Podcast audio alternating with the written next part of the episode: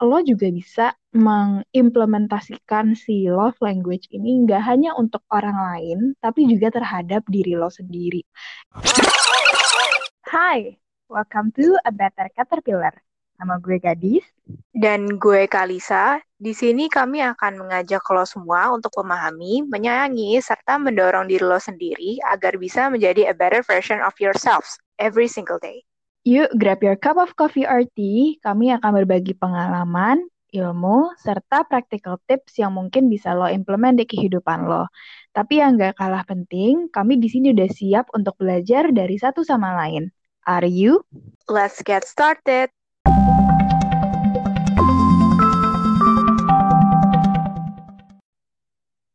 Oke, kita udah masuk ke episode pertama nih, Ti. Setelah kemarin kita jelasin nih apa sih di balik Better Caterpillar itu ada apa, kita siapa, dan kita mau ngapain di sini. Nah, hari ini kita mau memulai pembahasan kita yang pertama. Apa tuh, Pi? Hmm, yang pertama pastinya yang paling basic dan udah disinggung juga kan ya kemarin, yaitu self-care. Kenapa sih kita perlu ada self care gitu ya. Lo pernah gak sih kayak, aduh gue butuh self appreciation nih gitu. Orang-orang juga sering kan lihat orang-orang ngepost self care, self appreciation. Dia habis beli apa, beli beli GoFood, beli es krim atau apa, langsung di post hashtag self appreciation gitu kan.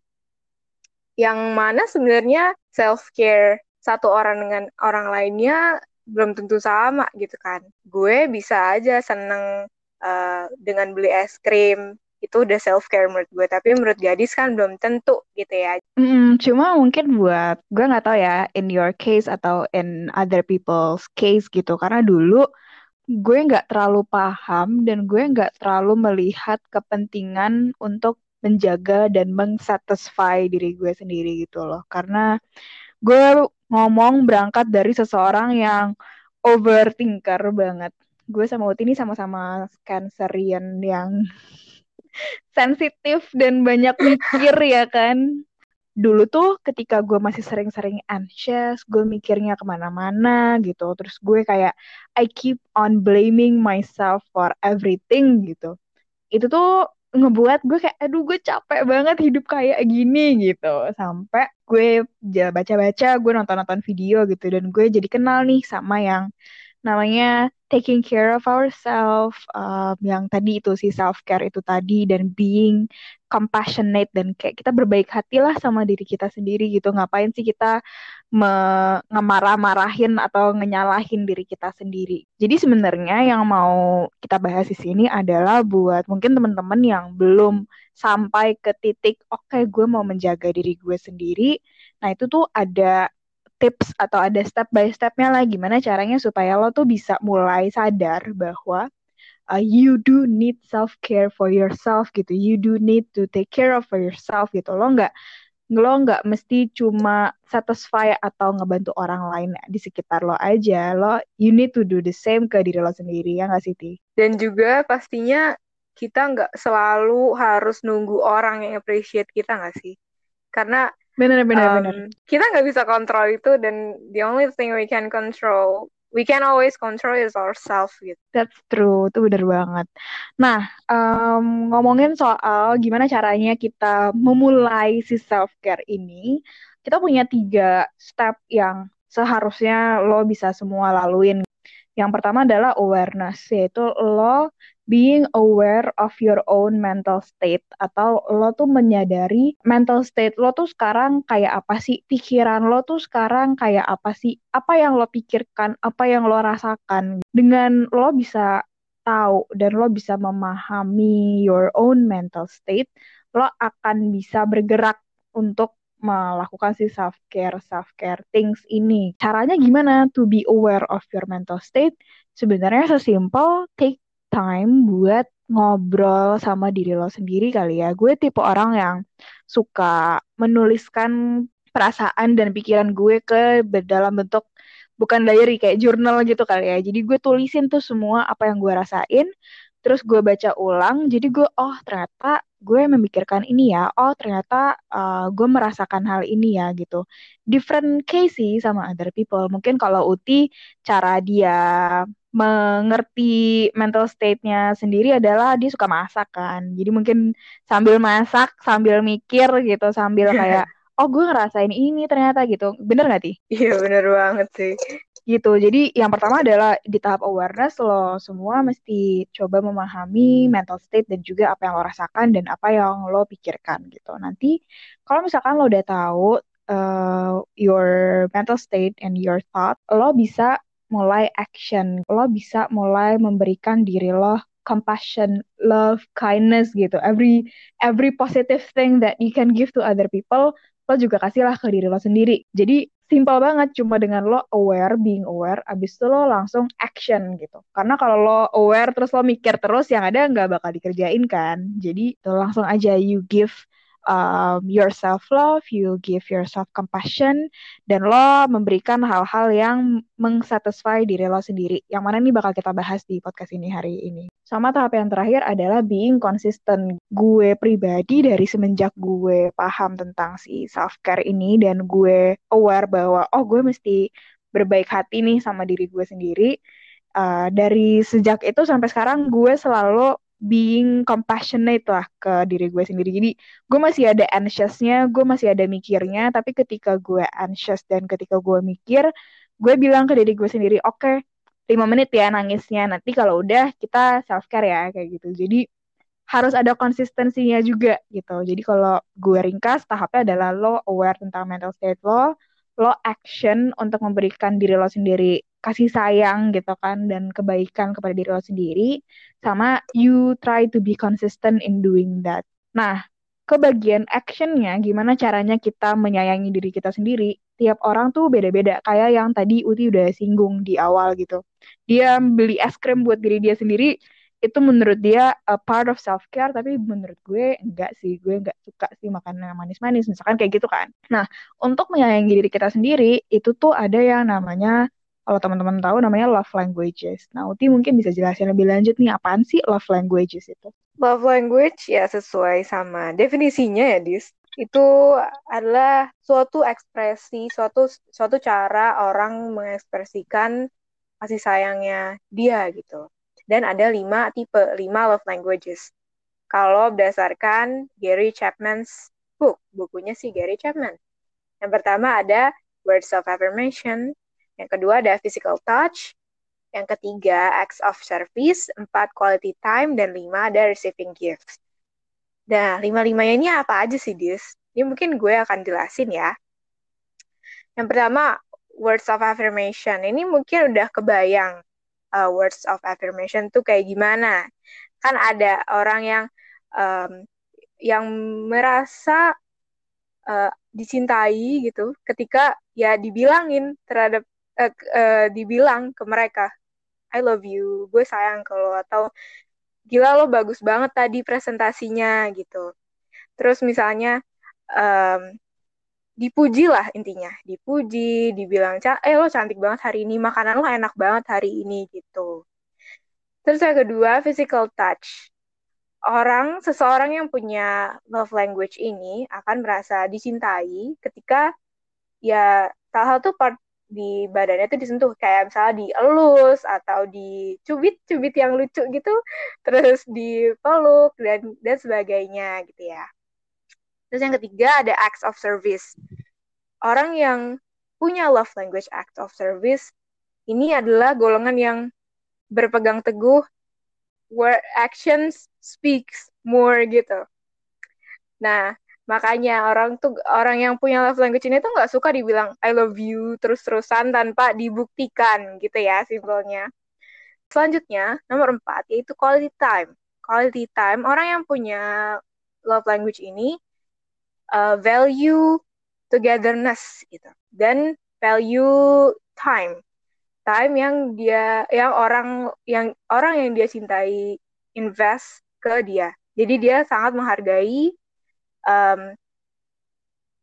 waktu yang diluangkan kepada dia gitu. Misalnya nih misalnya ada orang yang memasak untuk dia.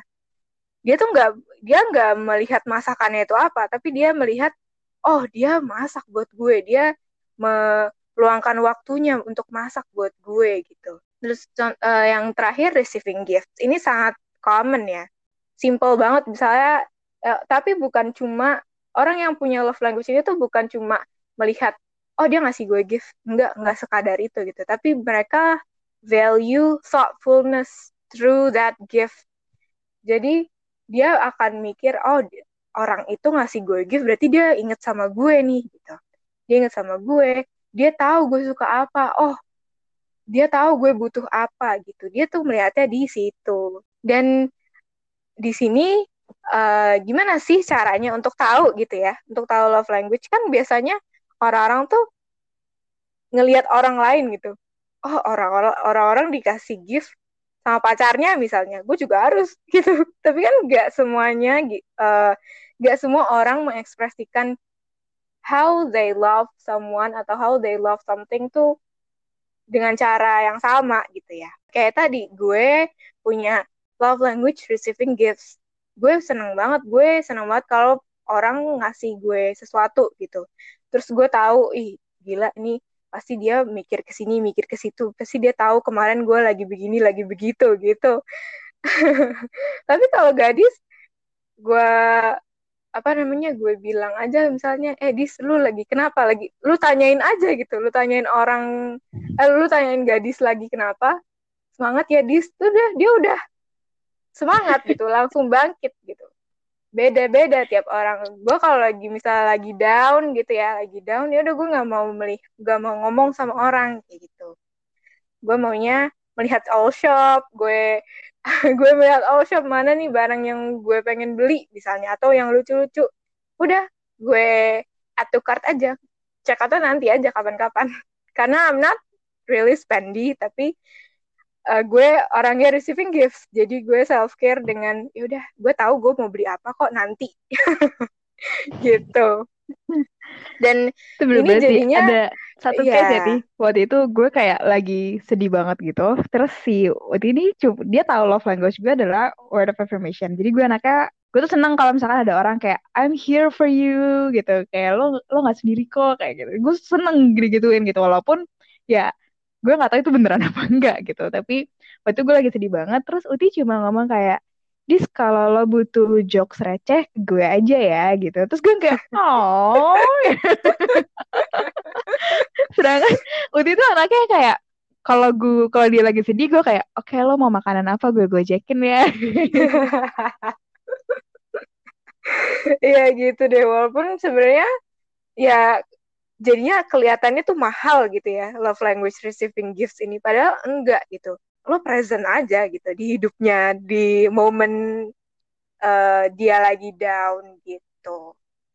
Itu sih. Dan uh, love language ini bisa lu apa namanya lo ketahui gitu ya. Lo observe dari diri lo sendiri atau lo take test online. Ada kok ada platformnya mungkin bisa cari aja www.5lovelanguage.com. Five-nya tuh lima ya, jadi lima lovelanguage.com. Nah, gimana caranya observe dari dari kehidupan kita? Kalau gue sih, gue tuh observe cara gue nge-appreciate orang lain gitu. Kayak uh, regardless gue tahu love language-nya mereka apa, gue action pertama yang gue lakukan itulah yang reflect ke diri gue sendiri gitu. Misalnya gini, misalnya kalau graduation gitu. Kalau graduation orang-orang ya kalau uh, pastinya ngucapin dong. Ngucapin eh congrats congratulations bla bla bla gitu.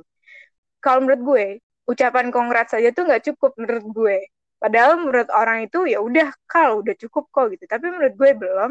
Gue harus ngasih dia sesuatu yang mana itu sangat relevan untuk dia gitu. Gue nyari gift tuh bisa lama gitu loh. Sampai mungkin itu momennya udah basi terus gue baru ngasih tapi uh, meaningful. Misalnya gue punya temen. Dia itu leader gue di organisasi yang pernah gue ikutin. Terus dia pakai kacamata. Dan gue uh, ngelihat dia dan cara dia bers bersikap dan karakter dia itu mengingatkan gue kepada Pororo. Pororo si penguin itu loh. Kalian tahu kan? Nah dia kan leader of the of his group. Dan dia juga lucu karena temen gue ini kocak-kocak gitu. Jadinya gue ngasih dia tempat tisu tempat tisu yang gambarnya penguin. Dan gue tulis di sini di, di, di notes gitu. Lo mengingatkan gue kepada Pororo bla bla bla bla bla bla. Kayak gitu. Gue gue harus bukannya filosofis karena kayak menurut gue hal itu yang akan berkesan dan meaningful untuk temen gue itu gitu. Makanya di, dari situ gue merasa oh iya mungkin emang itu love language gue gitu. Itu the way I express my love and the way I want uh, people express their love to me gitu. Kayak gitu sih. Oke, jadi emang ya si five love languages ini tuh sebenarnya berlaku untuk ketika lo mengekspresikan rasa sayang lo ke orang lain dan juga yang lo ekspektasikan orang lain untuk menyampaikan rasa sayang mereka ke lo tuh dengan cara si love language ini. Makanya tiap orang kan love language-nya tuh beda-beda tadi kayak Uti udah bilang. Nah, uh, kalau lo udah tahu nih love language lo apa, lo udah observasi atau lo udah take the test online gitu, itu cukup valid sih menurut gue tesnya. Lo juga bisa mengimplementasikan si love language ini nggak hanya untuk orang lain, tapi juga terhadap diri lo sendiri. Itu yang dari tadi kita bahas soal self-care, gimana caranya do the action part ya adalah dengan memahami love language lo, kemudian lo mengimplementasikannya atau lo mengekspresikannya ke diri lo sendiri. Nah, um, gue sama Uti bakal bagi-bagi practical tips apa ya kira-kira tiap love language ini hal apa sih yang bisa dilakukan ke diri sendiri. Karena kan biasanya kita ngasihnya ke orang lain ya, kayak tadi kasih bunga ke pacar atau uh, bilang I love you gitu, I miss you apa segala macam atau kasih coklat apalah gitu. Itu kan biasanya ke orang lain. Nah, kalau ke diri sendiri, apa sih yang bisa kita lakukan gitu. Gue mulai dari love language gue pribadi dulu ya, si word of affirmation ini ya. Karena jujur ini gue tinggi banget sih nilainya kalau si word of affirmation ini dibandingkan hal lain ini nomor satu dan tinggi banget. Jadi cara gue menyayangi diri gue sendiri adalah melalui berbagai macam hal. Contohnya setiap pagi gue itu gue kan olahraga nih ya yoga. Jadi abis yoga gue pasti meditasi sambil atau setelah meditasi gue dengerin yang namanya daily affirmation. Jadi dulu tuh awal-awal gue buka YouTube, gue search uh, affirmation for a great day gitu. Terus gue dengerin sambil meditate gitu. Jadi di affirmation itu dia kayak suaranya tuh kayak bikin gue kayak oke okay, today is going to be a great day gitu. Itu hal simpel banget yang bisa lo lakuin sih kalau uh, love language lo adalah word of affirmation. Atau hal lain yang lagi sering gue lakukan adalah journaling. Jadi uh, pikiran gue ini kan berantakan banget ya, dan gue tuh nggak nggak bisa mengekspresikannya ke orang lain gitu. Sulit lah untuk gue cerita ke orang lain tentang apa yang ada di pikiran gue. So what I do adalah gue jurnal semua pikiran dan keluh kesah gue di satu buku gitu atau enggak di laptop juga bisa gitu kan gue tulisin. Dan di akhir tulisan itu itu pokoknya tulisannya nggak mesti bagus gitu. Kayak ada tulisan ah gitu juga gue tulis gitu karena itu otak gue teriak gitu kan. Nah di akhir tulisan itu di akhir gue nyebutnya flow of unconsciousness gitu. Jadi uh, apa pun yang gue pikirkan gue tulisin gitu. Di akhirnya gue selalu tulis kayak you can do it, today is gonna be a great day, you're awesome, kayak gitu-gitu lah. Jadi afirmasi terhadap diri gue sendiri. Dan kalau misalkan, gue belajar sih, kalau misalkan pagi-pagi gue nggak ngelakuin hal ini, biasanya hari gue tuh bakal nggak terlalu uh, bagus lah harinya gitu. Karena dari awal tuh udah anxious, dari awal tuh udah takut gitu. Nah, kalau misalkan gue melakukan ini di pagi hari, uh, biasanya hari gue lebih mudah untuk dijalani. Or other things buat kalian yang love language-nya word of affirmation, ini gue belum lakuin sih, tapi kayak gue mau coba. Yang pertama adalah lo bisa display kayak quotes atau vision foto-foto atau ya quotes ya yang yang resonate ke lo gitu, yang bikin ada semangat gitu. Itu lo taruh aja di meja belajar lo atau di meja kerja lo gitu kan. Jadi setiap hari lo kerja, setiap hari lo capek, lo melihat kata-kata itu dan lo akan kembali semangat. Atau uh, ada juga tips untuk lo talk to the mirror. Jadi lo talk to yourself gitu. Jadi kayak prep talk gitu loh.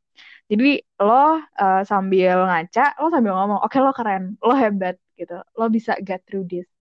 So itu adalah simple banget, hal-hal simple banget yang bisa lo lakuin kalau love language lo adalah word of affirmation. Terus yang kedua adalah physical touch. Nah ini mungkin orang agak bingung kali ya, aduh physical touch ke diri sendiri ngapain gitu. Nah tapi sebenarnya banyak banget sih hal praktikal yang bisa lo lakuin. Contoh kalau gue nih sama Uti kita sama-sama suka skincarean. Jadi tanpa lo sadari, sebenarnya skincare itu adalah a part of love languages towards yourself gitu. Karena lo taking time buat merawat diri lo sendiri kan. Dan ketika lo pakai skincare, itu kan lo menyentuh wajah lo sendiri. Lo tuh kayak menghargai diri lo sendiri lah melalui skincare itu.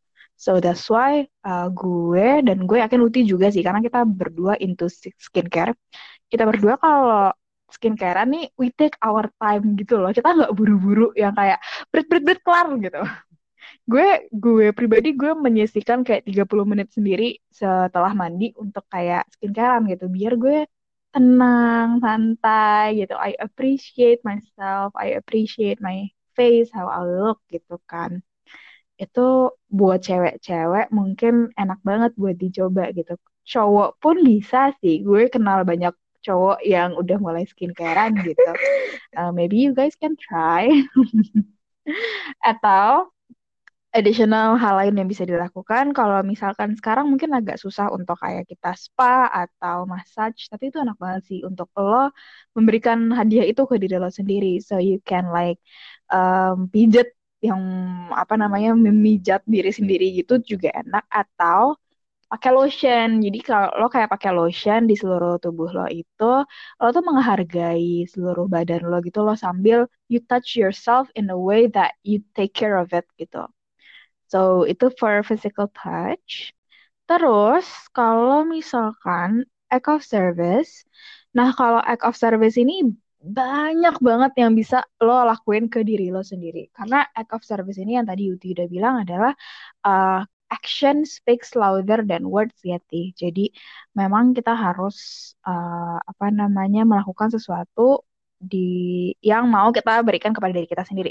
Contohnya, uh, kita masak nih, kita masak buat diri kita sendiri gitu. Nggak haruslah minta dimasakin nyokap atau minta dimasakin uh, istri atau suami gitu kan. Kita coba masak buat diri kita sendiri, itu udah termasuk bagian dari self care act of service. Atau bisa juga lo take your time buat bersihin kamar ya kan, kamar lo yang berantakan, bajunya numpuk di mana-mana gitu. Kalau lo take your time buat bersihin dan lo ngeliat hasil akhirnya, that's a part of act of service for yourself gitu. Jemur baju, cuci piring gitu. Itu banyak, kalau misalkan love language lo act of service, lo akan expect orang untuk melakukan itu buat lo, atau lo juga akan happy untuk melakukan itu terhadap orang lain gitu. Dan why don't you do it for yourself? Nah, yang keempat adalah quality time. Nah, kalau quality time ini uh, lebih mudah sih ya untuk dilakukan dan gue yakin common banyak banget common banget dilakukan sama banyak orang gitu. Hmm, karena the the meaning of quality time adalah you provide an undivided attention for yourself gitu. Ini quality time kalau di self care ya. Jadi lo punya atensi atau lo memberikan perhatian yang undivided terhadap diri lo sendiri. Caranya uh, yang paling gampang adalah ya lo me, bukan mengurung diri apa ya lo sendirian di kamar atau di tempat lain nonton Netflix kayak atau kayak ya udah tidur aja istirahat atau baca buku sendirian gitu. All of those things itu adalah bagian dari quality time. Atau misalkan lo mau kayak kemarin gue mencoba painting gitu atau gue mencoba embroidery gitu walaupun gue nggak bisa ternyata itu itu juga a part of quality time gitu kayak uh, quality time ini kalau di gue itu ada di level kedua setelah word of affirmation. Jadi gue suka banget nih sendirian kalau gue lagi mau self care. Jadi uh, kadang gue cuma kayak bikin kopi sambil ngopi gue sambil baca buku misalkan atau gue nulis gitu. That's a part of my quality time. Jadi kalau kalian pun punya love language quality time, then provide that time gak usah lama-lama lah mungkin lo cuma cukup satu jam dua jam dalam sehari gitu kalaupun lo lagi kerja ya lo take time di setelah kerja after office misalkan jam 8 gitu sampai jam 9 lo sendiri dulu deh ngobrol sama diri sendiri atau melakukan hal sendirian so that you have that undivided attention for yourself. Nah, yang terakhir, kalau receiving gift, ini tadi udah disinggung juga sih sama Uti yang love language-nya adalah receiving gift. Yang mana lo bisa membelikan diri lo sendiri sesuatu gitu. Dan gak harus beli juga gitu. Lo bisa window shopping aja ya kan. Kayak Uti nih, dia tipsnya oke okay banget. Jadi kalau dulu kita masih sering boleh keluar ya ke mall, Uti gue inget sih, gue sering banget ke mall sama Uti dan dia tuh cuma kayak ngelihat sana, ngelihat sini gitu. Tapi nggak beli, ya. kayak cuma lihat-lihat aja gitu. Tapi she's happy with that. Dia kayak happy-happy aja gitu loh. Jadi ya lo bisa bisa melakukan itu juga. Misalkan sekarang udah banyak e-commerce ya lo scrolling scrolling aja ngelihat eh ini lucu deh, ini lucu deh gitu. Tapi udah gitu. However, if it does not satisfy you dan ya udah lo beli aja, nggak usah yang mahal-mahal ya. Emang bikin lo seneng aja gitu ya lo beli aja ya nggak sih gitu. Kalau misalkan emang ada uangnya gitu. Dan nggak harus itu juga ya, nggak harus beli, nggak harus window shopping, lo juga bisa make something for yeah, yourself bener. gitu. For instance, ya kan, misalkan tadi lo suka masak, uh, masak itu bisa jadi a part of act of service atau a part of receiving gift juga kan. Kayak ya lo masak aja buat diri lo sendiri. It's a gift for yourself gitu. Atau after a long day at work lo capek tapi masih banyak kerjaan yang mesti dilakukan tapi you decided gue tidur aja deh. Ini hadiah untuk diri gue sendiri supaya gue bisa istirahat gitu kan. Jadi banyak banget hal di receiving gift yang bisa lo lakuin terhadap diri lo sendiri gitu. Dan di luar tadi tips yang udah kita berikan masih banyak hal lain yang mungkin belum kita singgung tapi resonate with you dan lo ngerasa ada hal yang oh kayak gue bisa deh ngelakuin ini karena love language gue ini gitu. You explore lah nggak nggak harus yang tadi udah kita sebutin aja ya karena banyak banget yang bisa dilakuin. Kadang juga uh, ini yang penting sih gimana kita interpret it aja. Kayak tadi lo bilang masak gitu kalau orang yang dengan quality time love language akan mikir, oh iya masak, gue meluangkan waktu gue untuk masak gitu, untuk pas dari kehidupan gue, untuk menikmati uh, membuat sesuatu gitu. Tapi kalau orang yang dengan receiving gifts menganggap masak itu ya bikin sesuatu untuk dirinya sendiri gitu. Jadi benar-benar how you interpret it aja. Benar banget. Cukup seru ya pembicaraan kita hari ini. Semoga bermanfaat ya, nggak hanya untuk kita berdua, tapi buat semua yang dengerin juga. Bener banget. Mudah-mudahan abis ini setelah uh, dengar podcast kita, udah tahu nih uh, harus mulai dari mana gitu ya, kalau emang belum tahu sebelumnya. Oke. Okay. Kita ketemu lagi di episode berikutnya. Kita bakal bahas tentang the five stages of grief ya, karena ya kalau misalkan self care tapi lo masih stuck di grieving atau lo masih sedih atau lo masih belum bisa aware, we'll discuss it next time. See you on the next episode.